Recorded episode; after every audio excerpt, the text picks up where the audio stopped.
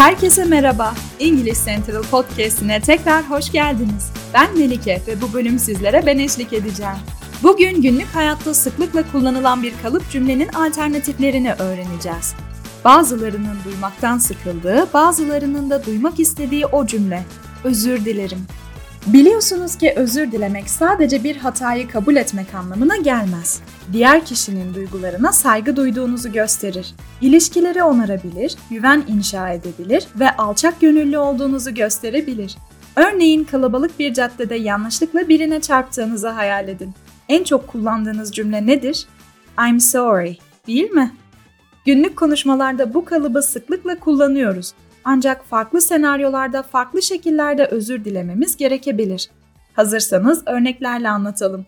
İlk senaryo ile başlayalım. Diyelim ki bir ödevi zamanında teslim edemediniz ve özür dilemeniz gerekiyor. Son teslim tarihini yetiştiremediğim için özür dilerim. Bu benim sorumluluğumdaydı ve bir daha olmayacak diyeceksiniz.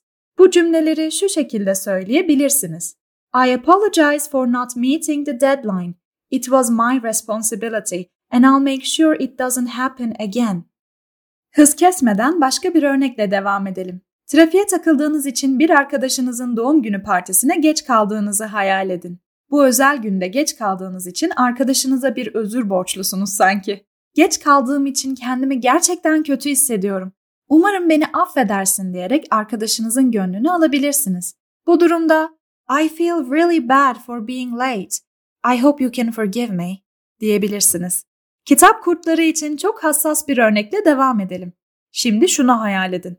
Bir arkadaşınızın en sevdiği kitabı ödünç aldınız ve üzerine kahve döktünüz. Kitabını ödünç vermeyi sevmeyen insanlar durumun ciddiyetini anlamıştır. Bu kesinlikle özür dilemeniz gereken bir konu.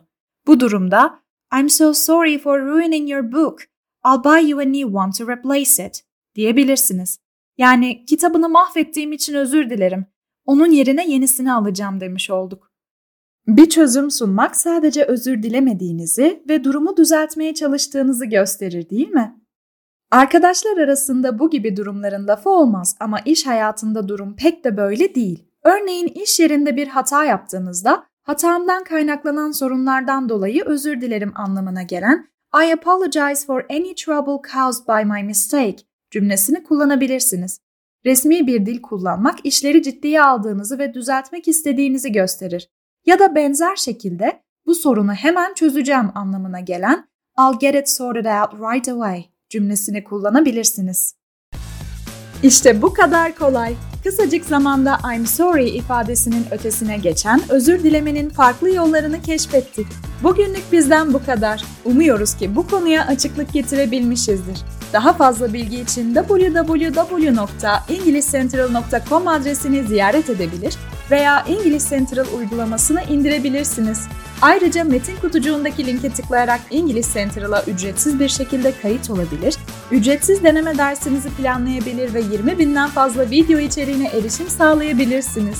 Bu bölümü beğendiyseniz bizi oynatma listenize eklemeyi ve bölümlerinize kaydetmeyi unutmayın.